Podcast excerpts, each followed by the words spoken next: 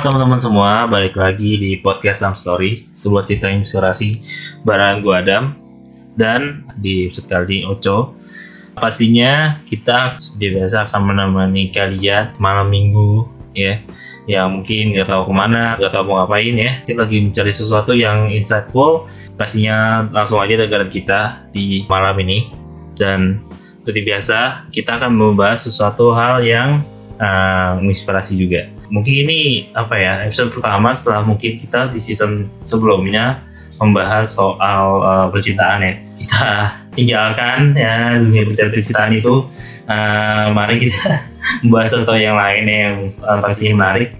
Dan kali ini kita akan membahas soal apa nih, Cok? Kali ini kita bakal ngebahas tentang yang sesuatu yang urgensi banget, Bang. Apalagi kalau bukan kuliah di luar negeri. Waduh. Aduh, kenapa urgensi menurut lo? Kenapa ya urgensi? Karena emang hmm, menurut gue pendidikan nggak perlu dia nggak cuma ada di satu tempat aja kan lo bisa dong ke tempat lain untuk meng memperluas gitu pengetahuan lo akan sesuatu gitu. Dan uniknya bang hmm. dulu tuh gue tuh sempat mau loh apa sempat kepikiran untuk berkuliah di luar negeri gitu. Cuman oh. setelah gue mikir-mikir kayak wah banyak banget sih persiapannya segala TOEFL, IELTS, or nilai-nilai saingan gue gitu kan. Gue mikirin nilai-nilai gue. Ini pas nggak nih? gitu kan. Terus juga gue ngeri culture shock apa gimana gitu sih bang hmm. banyak yang gue khawatirin gitu cuman Lo mau ke mana kuliahnya uh, awalnya tuh gue tuh pengen ke Jepang ngambil matematika Oke, Jerong dong ya iya Jerong oh iya Kenapa lo? Uh, gua, gua aja udah nyerah sama MTK lo. Wah. mau ngambil? Karena dulu emang sempet apa ya sempet suka sih sama matematika. Cuman hmm ya balik lagi karena gue mikirin oh nilai-nilai saingan gue nggak nggak lebih dari gue nih gitu kan hmm. gue kira MTK ghosting ya ah. kalau gue sih sebenarnya juga sama pengen kuliah di luar uh, hmm. gue juga rencana sih tahun ini sih gue lagi coba play di hmm. tiga tiga unit dua negara jadi gue hmm. lagi dua di UK dan satu lagi di um, Aussie jadi gue lagi coba nge mudah-mudahan terima amin, amin. karena waktu apa namanya gue tuh keluar negeri baru dua kali cok uh, hmm. pertama ke Singapura kedua ke Turki gue dua bulan waktu itu exchange hmm. terus kayak semenjak exchange itu gue ngerasa kayak um, apa ya seru aja sih bisa survive di negara orang terus kayak gue mengenal budaya baru kebiasaan hmm. baru gitu hmm. Uh, salah satu yang unik waktu kebiasaan uh, di Turki ya yang uh, mungkin juga banyak orang tahu nih ya uh, atau mungkin belum tahu kalau misalkan lo mitosnya kalau misalkan lo mau nikah yep. itu um, apa namanya kayak pembuktian cintanya itu lo harus minum kopi pakai garam waduh waduh sampai habis tuh waduh Iya, aduh. Eh tapi gue, gue pernah nyoba loh bang sendiri oh, bang. Enak, enak. Anjir, tapi enak. tapi nggak tahu ya takaran garam uh, yang di Turki sama yang di sini tuh gimana oh, gitu ya. Iya, iya, iya. Siapa tahu uh, garamnya beda sisa iya. gitu ya. Terus apa lagi ya mitosnya uh, berhubungan sama Indonesia stereotipnya itu kalau misalnya orang Indonesia itu nggak akan kawin kalau misalnya belum ke Mekah katanya. Oh. Uh, jadi banyak tuh orang-orang Turki yang nikah sama orang Indonesia di Mekah. Ya karena akhirnya mikir gitu uh, orang Indonesia itu nggak bakal kawin kalau belum ke Mekah gitu. Hmm, baru tahu juga gue ketika pas di Turki itu gue ketemu sama orang Indonesia yang 27 tahun hmm? di Turki dan gak balik-balik. gitu. di sana ya bang ya? Iya betah dia. Jadi akam sih, anak kampung sono. Oke,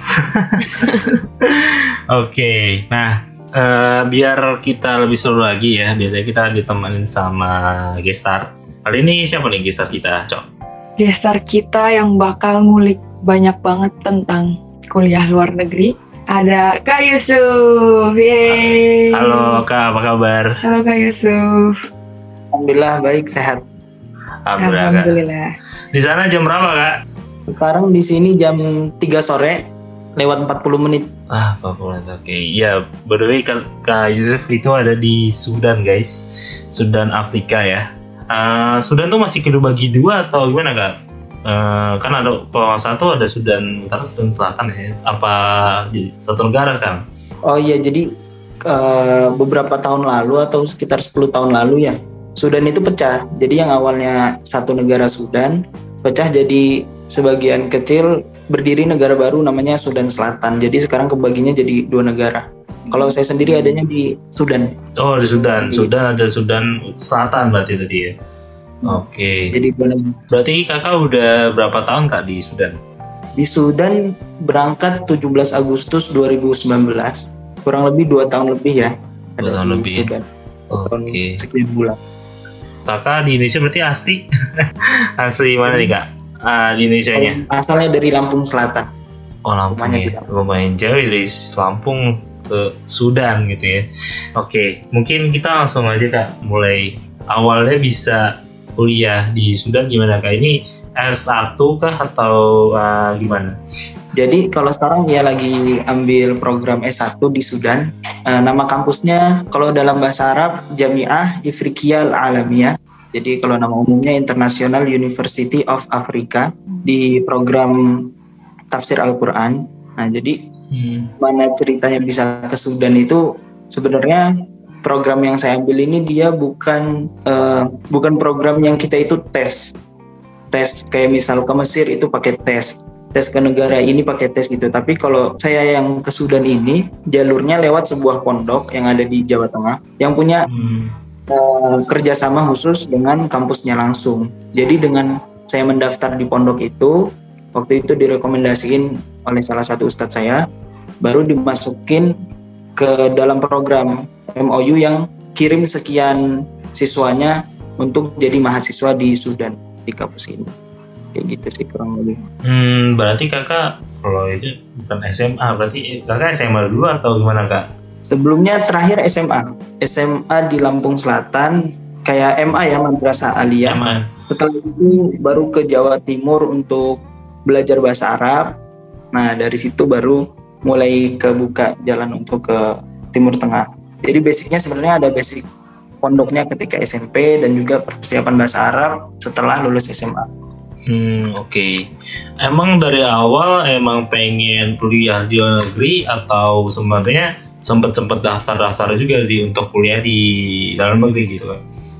Jadi kalau waktu itu agak apa flashback agak jauh. Jadi dua, waktu tahun 2015 sempat masuk pondok pesantren yang itu dia tuh ada beasiswa ke Turki. Hmm, Dia udah masuk di sana satu tahun programnya menghafal Al-Quran. Nanti kalau udah selesai hafalan Al-Qurannya bakal diberangkatin ke Turki gitu, untuk program lanjutannya. Nah tapi dari itu waktu itu saya mundur gitu, mundurin diri. Nah dari situlah jadi ada apa ya trigger karena udah ngelepas beasiswa ke luar negeri. Nanti ini lulus SMA harus ke luar negeri kayak gitu. Hmm. Jadi itu sih yang ngedorong untuk eh, kuliahnya ke luar negeri, terutama ke Timur Tengah. Dan memang pas dari lulus SMA nggak kepikiran gitu untuk daftar di kampus-kampus di Indonesia. hmm, berarti kakak Hafiz nih ya? Bisa dibilang gitu. Alhamdulillah, Insya Allah. Oke, untuk kayak di tadi kan maksudnya eh, daftar di Timur Tengah, terus kenapa Sudan dan emang karena ada jurusan yang memang kakak pilih itu yang sekarang kakak jalanin atau sebenarnya kakak minat di jurusan lain gitu dan eh, sistem eh, pendaftaran di Italia itu gimana sih kak untuk yang misalkan ada teman-teman yang pengen daftar ke Sudan? Oke oke. Mungkin eh, boleh cerita agak panjang nggak? Jadi Boleh, boleh. Jadi waktu itu lulus SMA, ini nanti cerita ini ngalir ke kenapa akhirnya ke Sudan. Ketika lulus SMA, kan tadi udah ada keinginan tuh untuk keluar negeri. Akhirnya setelah dapat informasi, ada lembaga namanya Mumtazah Center. Itu pelatihan bahasa Arab itu untuk persiapan eh, ke Timur Tengah. Nah, ketika di Mumtazah tahun 2018, kurang lebih satu tahun di sana, saya tes untuk masuk ke Mesir, ke Al-Azhar. Hmm. Al-Azhar kayak yang ada di Mesir gitu. Nah di tengah perjalanan ketika lagi tes di Al-Azhar Mesir itu ada kesempatan juga lewat ustadz saya yang nawarin nih ada peluang untuk ke Sudan juga. Nah akhirnya kan sebagai kita apa ya orang yang realistis aja ya ketika Mesir ini Hmm. belum pasti terusan ada kesempatan peluang ke Sudan akhirnya dicobain juga yang ke Sudan sambil terus ikutin tes ke Mesir. Tes ke Mesirnya lewat Kemenak Kementerian Agama yang dibuka setiap tahun. Nah ketika setelah beres lulus uh, pemberkasan untuk berangkat ke Sudan, ternyata di waktu yang sama Qadarullah lulus juga tuh ke Al Azhar Mesirnya. Tuh, jadi dua-duanya lulus nih antara Mesir sama Sudan. Ketika udah dihadapin sama dua pilihan ini, barulah di situ mulai istikharah. Apa sih kelebihannya Sudan? Apa sih kelebihannya Mesir? Nah kalau dilihat secara kasat mata, kan yang lebih masyhur itu Al Azhar yang lebih masyhur itu Mesir gitu kan yeah. yang lebih kelihatan wah itu Mesir gitu kan ada lulusannya Ustadz Abdul Somad ada banyak ustadz-ustadz yang lain uh, eh, Dr. Quraisy kalau nggak salah juga dari Al Azhar Mesir gitu kan yeah, yeah. nah tapi di waktu itu ada beberapa kelebihan yang dimiliki Sudan yang kayaknya cocok gitu loh sama apa yang saya butuhin jadi uh, yang ngedorong untuk ke Sudan itu awalnya bukan pilihan jurusannya apa bukan juga sistem kuliahnya tapi lebih ke ada nilai lebih di Sudan yang ketika saya lihat ke dalam diri saya kayaknya lebih cocok ke Sudan nih. Oke, okay. uh, eh, menarik sih. Uh, aku, aku juga lulusan Lazar, cuman bukan Lazar kayak Lazar di Indonesia. Apa namanya 12 tahun lah dia Lazar. Oke, okay. Kak Yusuf uh, waktu ke Sudan sempat ngerasain ada culture shock gitu nggak kak pas kuliah di sana? ngerasain banget banget ya hmm. karena kita itu kalau ngebayangin keluar negeri itu kan wah gitu kan hmm. luar negeri itu lebih keren segala macam gitu sedangkan Sudan ini dia adalah negara yang cenderung lebih lebih berkembang Indonesia dibandingkan Sudan gitu dari segi ekonominya, infrastrukturnya kayak gitu, kemajuan teknologi segala macam itu uh, lebih bagus Indonesia dibandingkan Sudan. Jadi itu shock banget ketika di Sudan itu apa-apa kayak manual gitu. Hmm. Waktu itu pertama kebersihan, kebersihannya tuh kayak kurang lah.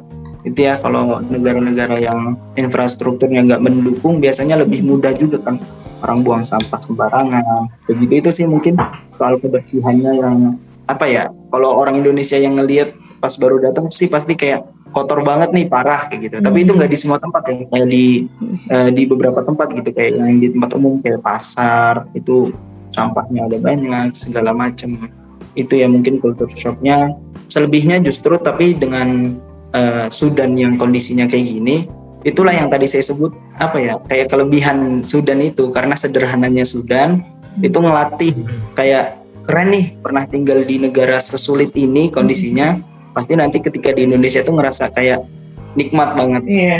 Yeah. Iya, benar-benar. Nggak ada yang begitu bikin kaget ya kecuali satu hal sih memang uh, administrasi jadi kalau di Sudan kayaknya sih Afrika secara umum ya termasuk di negara-negara Timur Tengah yang lain juga itu administrasinya suka ribet kayak gitu kayak kita misal kalau ujian ya nilai kita tiba-tiba ada yang nggak keluar terus atau negaranya salah kayak gitu. Nah itu nggak sederhana menyelesainya ketika misal harusnya negara saya Indonesia diganti jadi negara Nauru. Pernah tuh teman-teman pernah. Negara yang ganti jadi Nauru. Akhirnya kita bingung juga Nauru ini negara mana? Akhirnya cari di YouTube lah. Nauru ternyata kayak negara kecil gitu. Ternyata salah input dan itu tuh kayak kita yang jadi korban tapi kita yang bakal susah sendiri gitu untuk ngebenerinnya misal kita ke kantor di kampus gitu ya.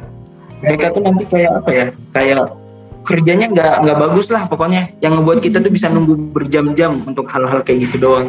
Itu sih pasti yang uh, bikin kaget dan ditakutin sama mahasiswa Indonesia ataupun mahasiswa lain ketika ada kesalahan input data itu bakal jadi apa ya bakal jadi kerjaan lah yang bisa berminggu-minggu bahkan itu aja kurang lebih sih kultur sudah oke okay, um, waktu sebenarnya kita tuh udah coba hubungin Kak Yusuf untuk ngisi kan dari tahun lalu ya waktu itu kan cerita kan cerita uh, lagi ada berita militer atau apa ya waktu itu ya?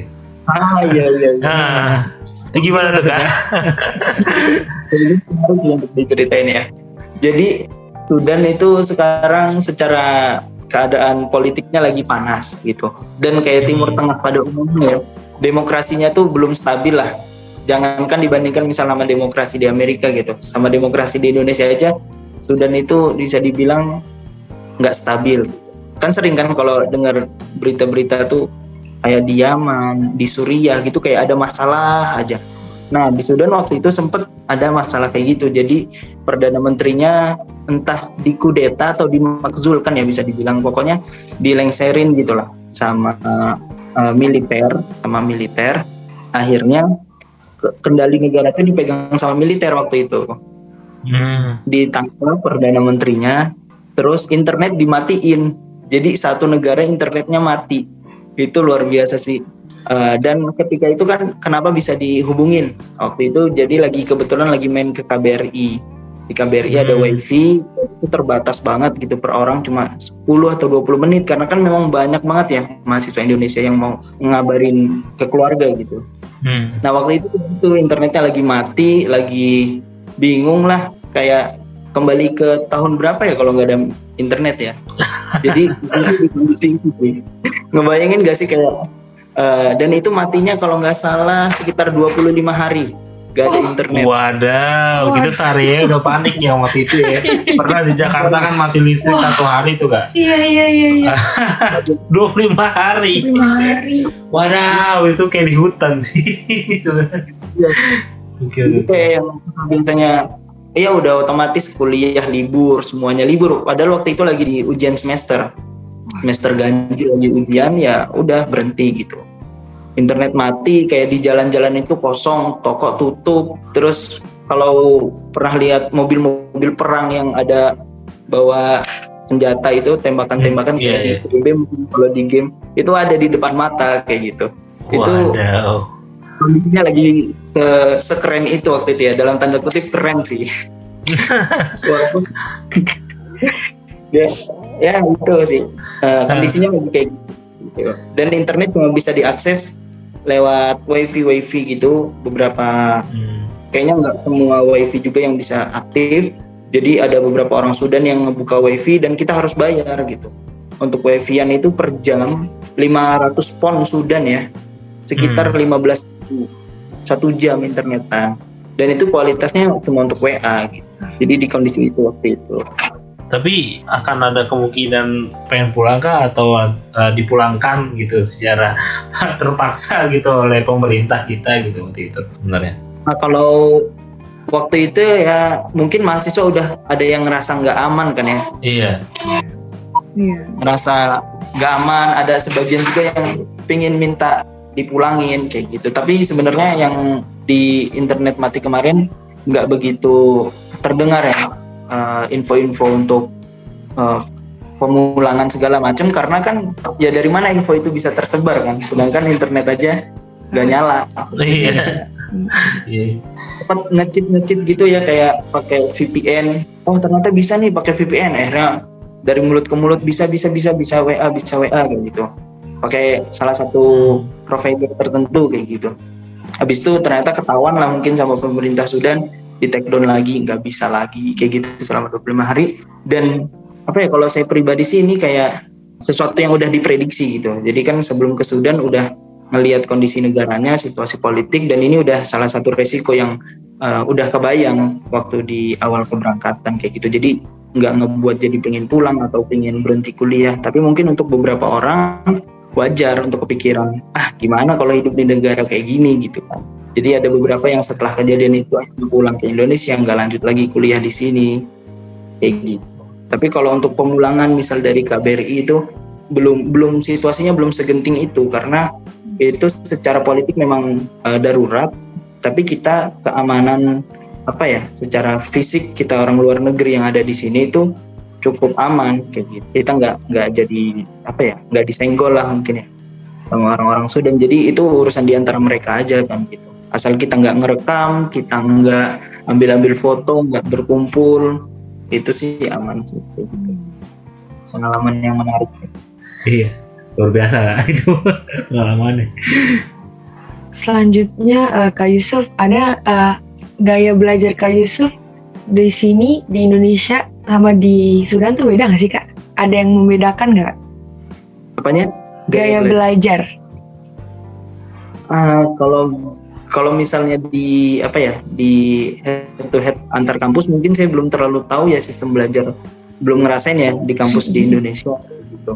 Tapi kalau secara umum di Sudan ini eh, ada yang menarik yaitu kita tuh belajar nggak cuma di kampus kayak gitu. Kalau di kampus tuh sistemnya kalau yang di kampus saya ya di kampus ini IUA biasa sebutnya IUA kalau singkatannya itu kita jadwalnya tetap gitu misal dikeluarin semester ini pelajarannya 12 misal Mm. harinya Senin Selasa Rabu gitu. jam sekian sekian sekian kayak gitu nah itu udah kayak di SMA kayak gitu jadi ya harus masuk di jam itu kayak gitu kalau kita nggak masuk di jam itu berarti bolos Hmm. kayak gitu jadi kalau kita belajarnya dan dosennya itu biasanya nggak terlalu ribet. Dia cuma lebih ke jelasin materi-materi yang perlu dijelasin. Mm. nggak banyak menuntut untuk tugas. Nggak banyak menuntut Hmm. untuk kita ngejelasin ke depan. Kayak gitu. Jadi kita lebih ke pendengar yang baik. Gurunya ngejelasin dengan baik. Kayak gitu. Kenapa? Karena memang udah jadi apa ya rahasia umum bahwa di Sudan itu orang ke Sudan itu kan mau rata-rata belajar agama ya Mm. karena itu nilai lebihnya di sini. Jadi nggak terlalu disibukin sama kegiatan kampus karena kita ada kesibukan juga di luar. I see. Jadi kalau pulang kuliah kita misal ada namanya dares. Dares tuh semacam kajian ya, kajian gitu, kajian keagamaan. Jadi biasanya selain ada kegiatan kampus dari pagi sampai siang di hari-hari tertentu, kita itu ada juga kegiatan-kegiatan sama ustadz, sama syekh, baik itu yang orang Sudan sendiri ataupun yang dari Yaman, dari Saudi, dari negara-negara lain, ada yang dari Mesir kayak gitu. Kita belajar dan itu di luar kegiatan kampus. Ya gitu sih kehidupannya gitu. Kalau mungkin ya kalau di Indonesia uh, wallah alam ya dapat atau enggak yang kayak gini suasananya. Tapi yang saya rasain sih kayaknya kerasa beda banget memang keseharian mahasiswanya yang ada di Sudan sama yang di Indonesia kayak gitu. Seru banget sih kak. Terus apa namanya untuk kayak biaya hidup kak gimana kak? Eh, istilahnya per bulan berapa terus include apa aja nih gitu? Biaya hidup di Sudan. Biaya hidup ketika datang pertama di Sudan itu tinggal di asrama. Terus kan kayak semua murah ya, sayur murah, daging murah. Itu kayak rupiah tuh kayak lebih kuat gitu loh. Kayak jajanan juga misal Sprite ya, misal minum-minuman kayak nggak apa-apa ya sebutnya. Iya. Biasa kan emang biasanya kalau orang-orang timur itu sp- Sprite, eh, Coca-Cola ya. Biasanya gitu kan. Eh, yang umum ya maksudnya yang di di sini Ah. ada di Indonesia itu gitu kan. Hmm.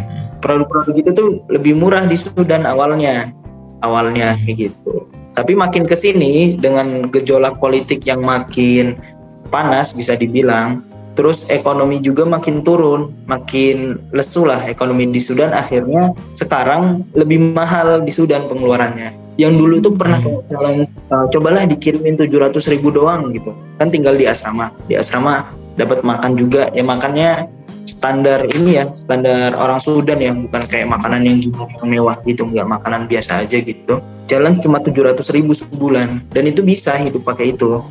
Tapi itu di luar di luar pengeluaran transportasi segala macam karena waktu itu belum ada kebutuhan transportasi ke mana-mana gitu kan. Karena di asrama asramanya di lingkungan kampus jadi dan punya sepeda juga gitu.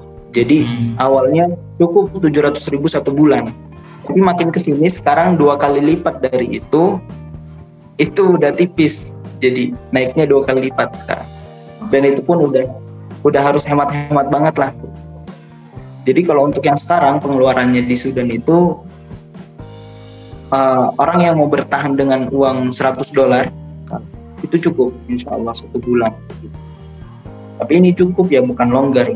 Kalau longgar itu kembali lagi kan ke pribadi masing-masing gimana cara dia uh, mengeluarkan uang gitu.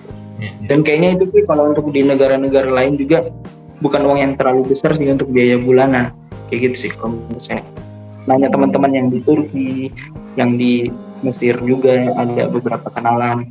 Gitu kayaknya memang kurang lebih segitu gitu kalau sekarang pengeluarannya. Hmm. Makanan khas eh, Sudan apa kak? Tadi bicara soal makanan nih ya. makanan makanan di Sudan ada yang namanya full full itu kacang kayak kacang merah gitu ya mungkin Hmm. kalau di Indo terus ada juga namanya adas jadi sebe- sebenarnya nggak tahu sih itu tuh full tuh di Indonesianya bahasa Indonesianya apa gitu ada situ bahasa Hmm. Indonesianya apa karena kayak kayak nggak ada kayak itu nggak ada di Indonesia kayak gitu dan itu Hmm. biasanya kalau dari rasa cenderung hambar. Kalau di Sudan ya makanan makanannya tuh hambar rempahnya nggak se sekaya di Indonesia kayak gitu. Itu makanan makanannya sih. Paling yang kayak eh, jajanannya ada yang namanya tokmiyah tokmiyah itu gorengan tapi kalau dicari eh, di Indonesia ada yang sama atau enggak nggak ada juga. Beda juga gitu. Deh Hmm. nanti deh, mungkin bisa dikirim saya kirim foto-fotonya di publish di Iya. mana selain di podcastnya gitu deh kalau ada yang penasaran Hmm. kayak gitu sih untuk makanan Eh, domba Afrika dari mana sih kalau domba Afrika? Soalnya di Tanah Abang tuh ada gak eh, domba Afrika gitu enak banget gitu. Eh, di situ ada nggak domba Afrika namanya? Eh, domba kayak Afrika ah jadi kayak apa namanya masaknya beda pakai eh, areng gitu sih kayak dombanya gitu. Terus makan pakai nasi atau nggak pisang gitu. oh Hmm. apa namanya lupa sih jarang karena kita tuh sebenarnya akses untuk tetap makan masakan Indonesia bisa banget di Sudan Oh iya. kayak gitu Ada restoran eh, Indonesia, Indonesia. tuh ada. ada restoran Indonesia satu terus juga ada kayak usaha rumahan mahasiswa itu ada banyak banget gitu. Jadi Hmm. kayak kita hidup di Sudan tapi makanannya tiap hari makanan Indonesia bisa gitu. Jadi kalau saya sendiri nggak terlalu explore eh, nggak nggak explore makanan-makanan di Sudan ya gitu. Tapi pernah lihat sih ada teman yang ke provinsi lain gitu. Terus dia videoin masaknya pakai batu panas gitu. Terus ada daging-daging di atasnya kayak gitu. Kalau makanan kesukaan Kak Yusuf sendiri apa Kak? Ada Kak Sudan? Ada makanan khas Sudan kesukaan Yusuf? apa ya? Eh, mungkin salah satunya yang mudah dicer yang enak ya udah bisa dirasain enaknya tuh ada yang namanya adas. Adas Adas. itu dia kayak apa ya? Kayak bubur gitu tapi terbuat entah dari jagung atau apa deh nggak tahu juga. Itu biasanya makannya pakai roti kayak gitu. Roti terus disobek dimakan pakai itu. Atau ada sih yang lebih enak lagi oh iya ada nama zabadi. Zabadi itu tuh se- semacam yogurt gitu kalau di Indonesia. Tapi Oh. dia lebih buatan kayak uh, home industry gitu. Nah itu enak Hmm. banget sih. Jadi kayak kalau pagi makannya itu kayak gitu. Pakai Hmm. dikasih gula terus pakai roti sambil minum teh. Ya orang Sudan Aduh. itu suka banget minum teh. Setiap hari minum teh. Kak Yusuf pernah homesick nggak Kak? kangen rumah sejauh ini belum yang kayak sampai kangen banget. Hmm. pengen pulang yang sampai misalnya kayak sedih pengen pulang. Mm-mm. kayak gitu sih nggak pernah ya alhamdulillah. Karena memang dari SMP udah mondok udah agak jauh dari rumah Hmm. juga. Cuma mungkin lebih ke kangen sosok misal. Tiba-tiba kangen uh, Umi tiba-tiba Hmm. kangen Abi kangen Ade kakak terus ada kangen nenek kangen saudara-saudara kayak gitu mungkin. Tapi bukan kangen yang pengen pulang pengen pulang nggak betah di sini nggak gitu gitu sih nggak tahu kalau orang lain yang ngerasainnya gimana jadi dua tahun ini juga belum belum sempat pulang belum pulang Hmm. Wah, wah. Eh, walaupun udah ada rencana pulang sih nanti mungkin dalam waktu dekat setelah ujian semester Mm-mm. gitu. Oke. Eh, kalau pulang ke Indonesia kabar-kabar ya kayak. Kita ngobrol-ngobrol nih di Indonesia. Em, terus sebe- eh, balik lagi ke soal perkuliahan nih kak. Eh, sebenarnya eh, apa sih kak yang sebenarnya harus disiapkan untuk eh, ketika kita ingin misalnya untuk keluar di luar negeri gitu. Oke, jadi pernah dapat nasihat waktu itu dari salah satu senior yang ada kuliah juga di luar negeri. Terus beliau ketika ditanya soal ini, beliau jawabnya gini, sebenarnya ke luar negeri itu simpelnya adalah kita mencari informasi dan kita ngejalanin uh, informasi yang kita dapat gitu. Atau berhasil atau enggaknya ke luar negeri itu selain nantinya lulus atau enggaknya ya, itu kembali ke bagaimana kita mencari informasi dan bagaimana kita bertindak atas informasi yang kita dapetin gitu. Jadi itu basicnya. Nah nanti kalau soal teknisnya apa yang perlu disiapin itu bisa beda-beda tergantung tujuan ke luar negerinya mau belajar apa gitu misalnya mau jadi ilmuwan, mau jadi ulama, mau jadi ustadz segala macam kayak gitu dan juga kembali ke negaranya masing-masing kan mau negara mana kayak gitu sih. Kalau mungkin teman-teman ada yang pingin ke Timur Tengah, yang pertama pasti yang perlu banget disiapin itu niat gitu. Karena niatnya harus dilurusin gitu loh. Kalau ke Timur Tengah itu ya ambilnya niatnya untuk pelajarin ilmu agama gitu. Karena kalau maunya misalnya jadi musisi, ya negara lain lebih bagus justru gitu kan. Mau jadi ilmuwan negara lain lebih bagus kayak gitu. Dan setelah itu apalagi ya kalau ke Timur Tengah tuh pastinya bahasa Arab karena dia bahasa pengantar. Tes kita juga biasanya pakai bahasa Arab. Kan eh, salah satu jalan untuk ke Timur Tengah itu tes yang dibuka oleh Kementerian Agama setiap tahun. Kalau dulu itu ada pilihannya ada tiga negara kalau nggak salah itu ada Mesir, ada Maroko dan Sudan. Biasanya itu soalnya sama kemampuan bahasa Arab, pengetahuan agama Islam, kemampuan baca kitab gundul ya kalau pernah dengar kitab kuning yang Iya, hurufnya nggak ada iya, iya. artinya. itu kemampuan itu sih basicnya kalau untuk Timur Tengah Hmm. kayak gitu. Kita pun lebih ke fikih ya kayak. Iya salah satunya juga belajar belajar fikih. Eh, ya sedikit lumayan tahu lah kak karena kan aku juga sebenarnya eh, jurusannya manajemen bisnis manajemen syariah gitu konsentrasinya Eh, belajar belajar fikih juga tapi ke arah bisnis ekonomi gitu Kak Yusuf ada nggak hal-hal yang menyenangkan pas kuliah di Sudan? Banyak banget, alhamdulillah banyak banget. Wah, Eh, boleh tuh Kak sharing. salah salah satunya tuh kayak kemudahan kita untuk ini ya akses belajar gitu. Kan tadi yang udah saya bilang tuh kalau Timur Tengah ya fokusnya Agama. agama gitu kan. Karena ini yang disediain di sini gitu. Kalau Hmm. misalnya mau ambil teknologi ya udah ke Jerman atau ke mana gitu. Nah, kalau udah ke Sudan atau Timur Tengah yang lain, itu biasanya kita cenderung lebih mudah untuk cari chef atau cari ustadz untuk kita belajar gitu. Misalnya Hmm. mau belajar fikih nih, oh ada syekhnya syekh ini misalnya dari Yaman atau dari Arab Saudi. Nah itu lebih mudah banget kita temuin kayak gitu kalau di sini. Dan yang mungkin kalau di Indonesia itu dibuka semacam daurah dan itu berbayar kayak gitu. Kalau di sini dia gratis kayak gitu. Iya, iya, Bukan iya. berarti yang bayar di Indonesia itu nggak bagus ya. Kan Mm-mm. kondisinya beda-beda kan. Setiap negara itu kondisinya beda-beda. Mungkin kalau di Indonesia memang menuntut untuk itu ada kebutuhan ke situ. Itu salah satunya yang yang seneng kalau di Sudan gitu. Selebihnya yang bikin seneng di Sudan itu karena susahnya justru. Karena susahnya hidup di. Sudan itu jadi seneng. Kenapa? Karena gini loh. Kalau sekarang di Sudan ini lagi susah-susahnya ya. eh, kita mau naik apa angkutan umum. Itu angkutan umumnya mungkin udah nggak ditemuin dah kalau di Indonesia yang se se apa ya sejelek itu ya. Di sini tuh eh, masih tertinggal. Bahkan pernah dapat video di Sudan 50 tahun yang lalu. Video Wah. Sudan pemandangan Sudan 50 tahun lalu. Pernah. lebih gimana kak? Itu sama sama Sudan hari ini kurang lebih. Ngejauhin.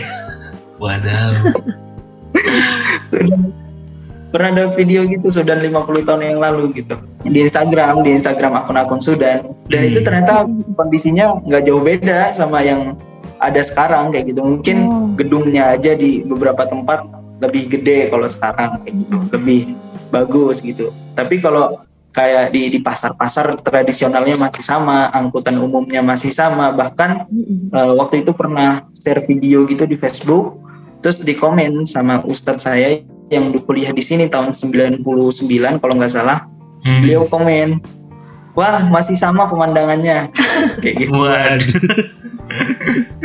nah hal-hal ini sih justru yang kayak jadi apa ya justru bikin senang karena nanti kebayang ketika balik ke Indonesia mau naik angkutan umum KRL di Jakarta waduh enak kayak gitu Hmm. mau pesan-pesan apa lewat Gojek gitu.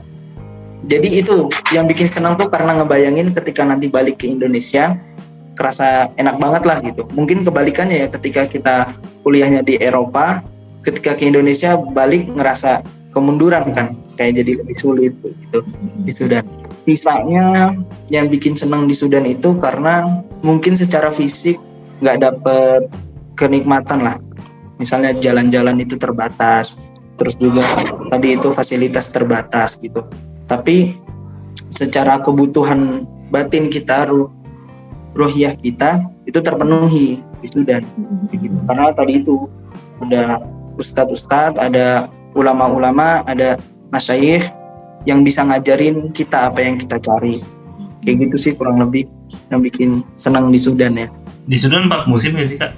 di Sudan uh, dua musim Dua musim. ya? jadi musim panas musim dingin kalau panas panas banget itu sampai 47 derajat yang Wadah. dirasain. Wah, wah, wah, wah. Wadah, Hujan. 47 ya. 30-an ya normalnya ya atau 28 gitu ya Eh, mm, mungkin kalau siang sih kalau di Jakarta ya. Jakarta 30-an lah ya, Iya, 31 32. Kalau malam 27 26 sih. Mm.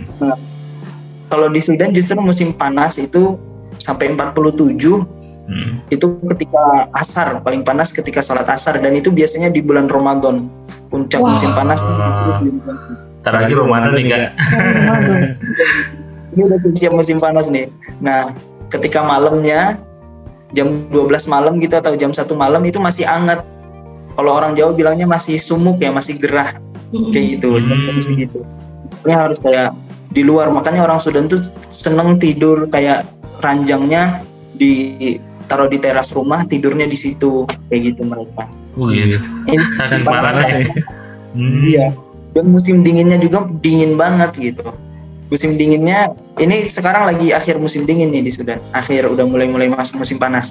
Nah kemarin dari bulan November sampai Februari pertengahan ini, puncaknya awal Februari sih, itu dinginnya sampai 8 derajat, 12 derajat gitu. Hmm. Dan itu dingin banget sampai bibir bisa pecah-pecah, kaki pecah-pecah. Itu jadi musimnya secara umum dua sih, panas banget, dingin banget. Kayak gitu dua-duanya cuaca ekstrim. Waduh, ekstrim terus eh, tadi apa namanya teknologi atau perkembangan juga masih sama dengan 50 tahun yang lalu ya kak. Gokil, seru banget. Secara infrastruktur ya, kalau teknologi mungkin ada Iya. perkembangan gitu. Ah, ya lumayan ada internet dan sebagainya gitu ya.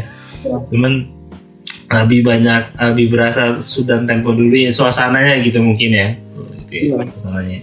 Nah, em, mungkin balik lagi soal perkuliahan lagi nih kak, atau Iya. lingkungan perkuliahan ya. Eh, sebenarnya kakak nih lebih sering bergaul dengan mahasiswa lokal atau dengan eh, mahasiswa Indonesia yang kuliah di Sudan juga nih.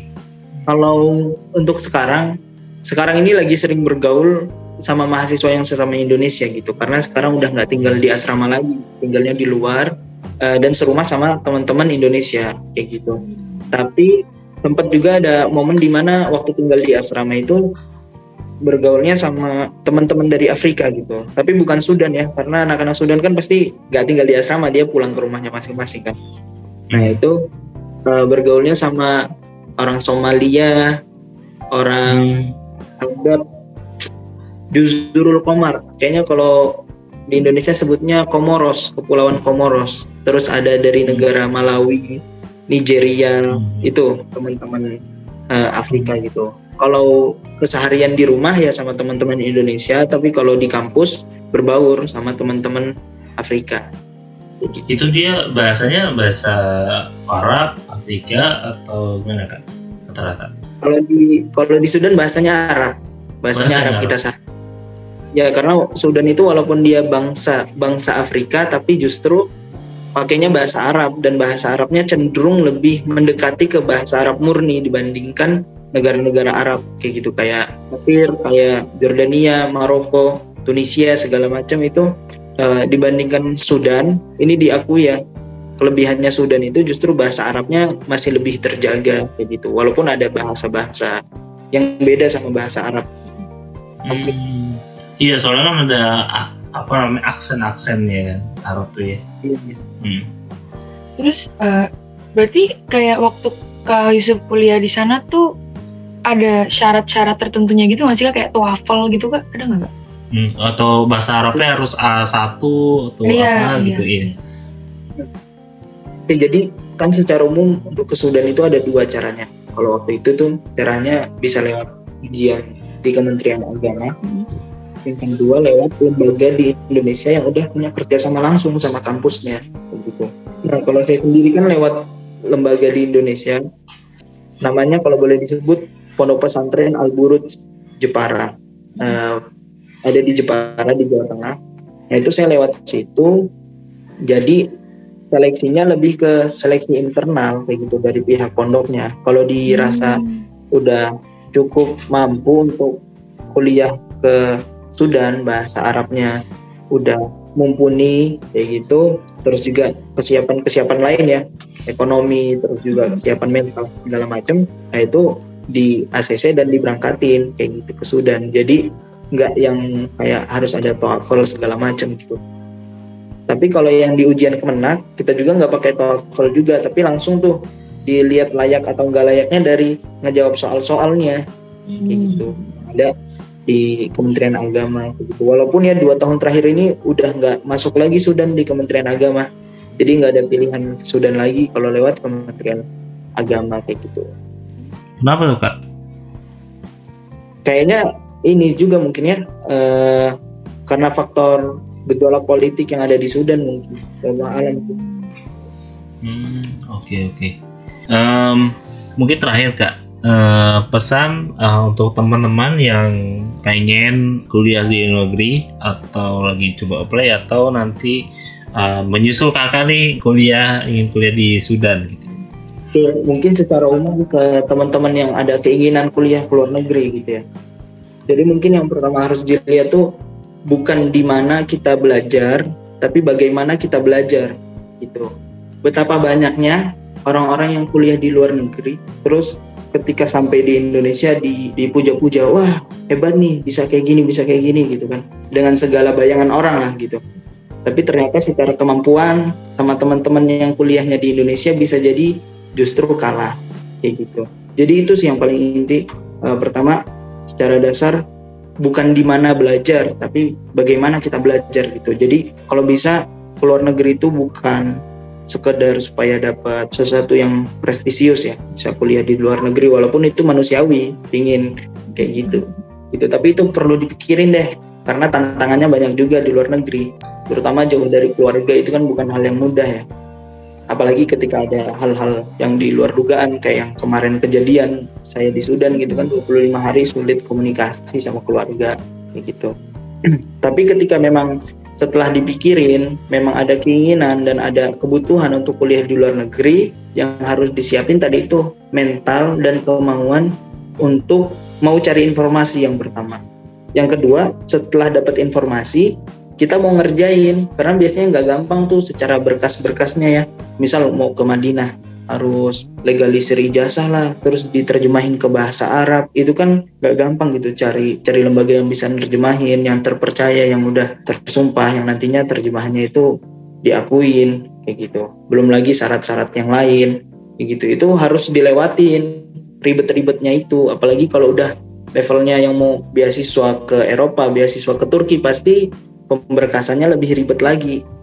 Ketika kita nggak siap ngasih tenaga, ngasih pikiran, ngasih waktu kita untuk nyiapin itu, ya kita bakal susah untuk bisa keluar negeri kayak gitu.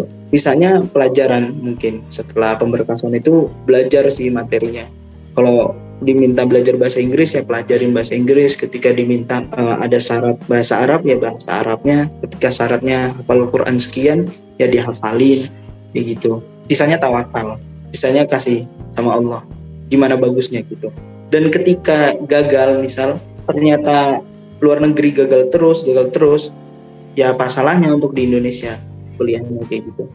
Karena toh itu tadi karena ilmu itu bukan soal kita di mana kan tapi gimana kita belajarnya kayak gitu. Jadi itu deh kurang lebih. Kalau untuk Sudan ya mungkin karena ini saya di Sudan teman-teman yang dengar nanti mungkin penasaran untuk kuliah di Sudan. Kenapa dari tadi saya ceritanya kayak terbuka gitu loh, kayak nggak uh, dibagus-bagusin Sudannya gitu.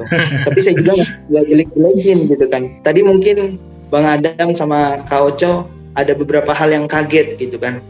Iya. Kaget kan. sama beberapa ceritanya. Nah saya pingin orang yang pingin ke Sudan itu kagetnya waktu dengar podcast ini, dengar some story. Jangan kaget ketika udah nyampe Sudan kasihan banget. Kalau udah Sudan baru kaget ekspektasinya kayak di Turki misalnya kuliahnya. Ekspektasinya kayak di Eropa gitu. Kagetnya waktu udah di Sudan. Nah jangan makanya saya ceritain apa adanya. Itulah kondisi Sudan. Tapi tadi mungkin banyak cerita yang ini ya. Maksudnya realita kesulitan di Sudan. Tapi di balik itu semua banyak juga kebaikan atau hal-hal istimewa yang bisa kita dapetin di Sudan. Contohnya misal kalau kita yang pingin lebih lebih terjaga misal dari pergaulan di Sudan itu cocok untuk sekarang. Karena pergaulan antara laki dan perempuan itu benar-benar seperlunya. Kalau nggak perlu ya udah nggak ada kontak sama sekali kayak gitu. Mungkin itu juga nilai plus yang ada di Sudan gitu. Jadi kita bisa fokus belajar. Mungkin udah ngalamin semua ya gimana fase-fase bucin fase-fase. Apa itu yang bikin belajar itu nggak fokus kayak gitu. Insya Allah dengan ada di Sudan itu meminimalisir hal-hal kayak gitu dan bisa lebih fokus ke belajar. Apalagi kita belajarnya mau agama ya itu ngebantu banget dengan ada di Sudan kayak gitu. Teman-teman yang mau ke Sudan. Kalau secara teknis nih gimana daftar ke Sudan? Kan sekarang di Kemenak udah tutup atau uh, sementara ini nggak nggak dibuka untuk Sudan ya? Dua tahun terakhir kalau nggak salah. Sekarang ada beberapa lembaga yang dia itu jadi penyalur untuk kita kuliah ke Sudan, tapi non beasiswa. Uh, kalau saya kan termasuk beasiswa, uh, jadi kerjasama antara pondok pesantren yang ada di Jepara itu Al Burj Jepara dengan kampus ini waktu saya datang itu beasiswa full 100%. Nah, kalau sekarang karena ada beberapa masalah beasiswa itu dikurangin kayak gitu. Jadi ada lembaga-lembaga tertentu lah yang mungkin entah sih saya bisa bilang atau enggak di sini ya karena Allah alam udah resmi atau enggak lembaganya gitu. Tapi infonya nanti bisa lihat di akun-akun Instagram yang ngebahas tentang Timur Tengah. Di situ biasanya masuk juga kampus-kampus yang ada di Sudan itu peluangnya gitu. Tapi untuk sekarang, untuk tahun-tahun ini memang dia non beasiswa, begitu sih. Mungkin ini perlu juga teman-teman tahu ya. Kalau yang beasiswa itu kan kayak di Al Azhar Mesir masih beasiswa kuliahnya, yeah. tapi kayak kebutuhan harian kembali ke pribadi masing-masing kayak gitu, keberangkatan ke pribadi masing-masing, kayak gitu sih. Gimana? Okay. Mungkin aku ada satu pertanyaan lagi sebenarnya. Cuma nanti jawab sih kayak uh, tadi ini pengalaman pertama ya uh, sebelumnya pernah sih kayak buat buat podcast sama uh. sama teman ya tapi lebih ke ngobrol uh, bukan diwawancarain gini kan kalau hmm. ditanya ini baru apa ini nih mungkin oh, tadi ya iya. gimana tapi ternyata malah ketagihan untuk ditanya oh, iya. iya, jadi kalau durasinya masih cukup nggak apa-apa tanyain aja Oke, okay. uh, satu lagi, uh, mungkin uh, aku akan nanya secara singkat sebenarnya dulu pertanyaan langsung singkat aja. Next, apa yang akan kakak lakukan setelah pulang dari Sudan dan ketika kakak mendengarkan lagi dari lima tahun lagi nih dengar podcast lagi, uh, kakak ingin dilihat uh, sebagai siapa dan sebagai apa gitu atau uh, kakak udah ngelakuin apa gitu selama lima tahun ke depan? Pertama ketika balik ke Indonesia mungkin kalau saya bukan pengen jadi apa secara profesi ya tapi hmm. pengen buat apa kayak gitu ketika di Indonesia nanti yang pertama pasti bisa ngajar agama minimal basic-basic agama lah dari fikih dari akidah dari segala macam. Itu yang tentang agama yang dibutuhin sama masyarakat di Indonesia. Itu saya bisa ngajarin dengan apa yang saya pelajarin di sini bisa saya transfer ilmunya di Indonesia. Itu itu keinginan ketika ke Indonesia nanti secara umum secara dasarnya kayak gitu. Tapi karena kalau saya punya kecenderungan pribadi itu hobinya nulis mungkin pinginnya nanti aktif jadi penulis ketika di Indonesia gitu. Jadi income itu dari hasil menulis dari jadi pengusaha belajar juga belajar usaha juga kayak gitu. Nah untuk khidmat ke masyarakatnya lewat ngajar entah itu di masjid-masjid entah itu di pondok pesantren begitu sih. Yang kedua ketika lima tahun lagi ya hmm. lima tahun lagi uh, dengar podcast ini lagi mungkin berat sih berat ya iya. Tapi sebenarnya belum belum matang juga di kepala nih lima tahun nih. Ini lagi di umur sekarang kan lagi lagi mikirin ya. Lima tahun lagi tuh mau ngapain 10 tahun lagi mau ngapain. Kayak gitu. Hmm. tapi ketika nanti lima tahun lagi saya dengar podcast ini lagi, saya ingin pertama udah hafal Quran, lancar, punya sanat yang bersambung sampai Rasulullah itu satu. Ini hmm. cita-cita ya dari keluarga juga yang belum belum kesampaian sampai sekarang kayak gitu yang kedua udah aktif menulis punya karya-karya tulis selanjutnya mungkin udah umroh minimal udah umroh kayak gitu Amin amin. Tunggu lah ya. Mungkin uh, karya tulisannya mungkin judulnya True Story of Sudan mungkin. Mantap. By Muhammad Yusuf Abdullah mantap. Oke, uh, seru banget, Cok. Nggak terasa Ah, kita udah belum panjang sekali nih Hmm. story-nya. Keren banget ya. Uh, Dan eh, sekarang gue nyadar gitu bang, mungkin Hmm. waktu itu gue nggak dapet ke luar negeri emang karena persiapannya kurang gitu ya. Oh, iya, banyak iya. banget Iya. yang perlu disiapin secara banyak banget. berkas, secara mental dan lu harus research gitu kan di negara tersebut tuh ada apa gitu. Hmm. Keren banget sih bang. Oke, eh, luar biasa banget ceritanya. Mudah-mudahan bisa jadi insightful dan bisa inspirasi juga mungkin teman-teman yang ingin kuliah di luar negeri dan Hmm. mungkin pengen eh, apply juga di Sudan menyusul Kak Yusuf ya. Mungkin kan kalau misalnya ada teman-teman yang ingin ada pertanyaan mungkin atau ada sesuatu yang mungkin di sharing juga boleh share macet Instagram atau ada sesuatu project eh, apa ada YouTube atau apa gitu. Oh, oke, oke, oke. Hmm. Ya, kalau saya aktifnya di sementara ini di Instagram aktif di akun @myusuflah. Jadi ada E-nya dulu di depan huruf E, M baru Yusuflah gitu. Itu jadi sementara aktifnya di situ belum terlalu aktif sih. Dan juga ada link Telegram yang biasanya saya taruh di situ. Kalau di Telegram itu lebih ke tulisan-tulisan harian ya yang dirasain. Jadi nge-tweet tapi nggak di Twitter tapi di Telegram gitu. Jadi teman-teman yang mau tahu lebih dekat apa yang lagi saya pikirin, apa yang saya rasain atau apa yang saya dap- dapetin seharian ini bisa ngikutinnya di Telegram gitu. Tapi kalau tulisan-tulisan sementara ini masih di Instagram kayak gitu. Baik. Selanjutnya kalau ada teman-teman yang ingin kerjasama atau ada ide untuk konten podcast Some Story selanjutnya, hit us up on Instagram at podcast underscore some story dan juga bisa melalui email kita di podcastsomstory at gmail.com. Oke, thank you buat teman-teman yang sudah mendengarkan podcast Some Story episode ke-56 bersama Kak Yusuf and see you on the next episode. Dadah. Dadah.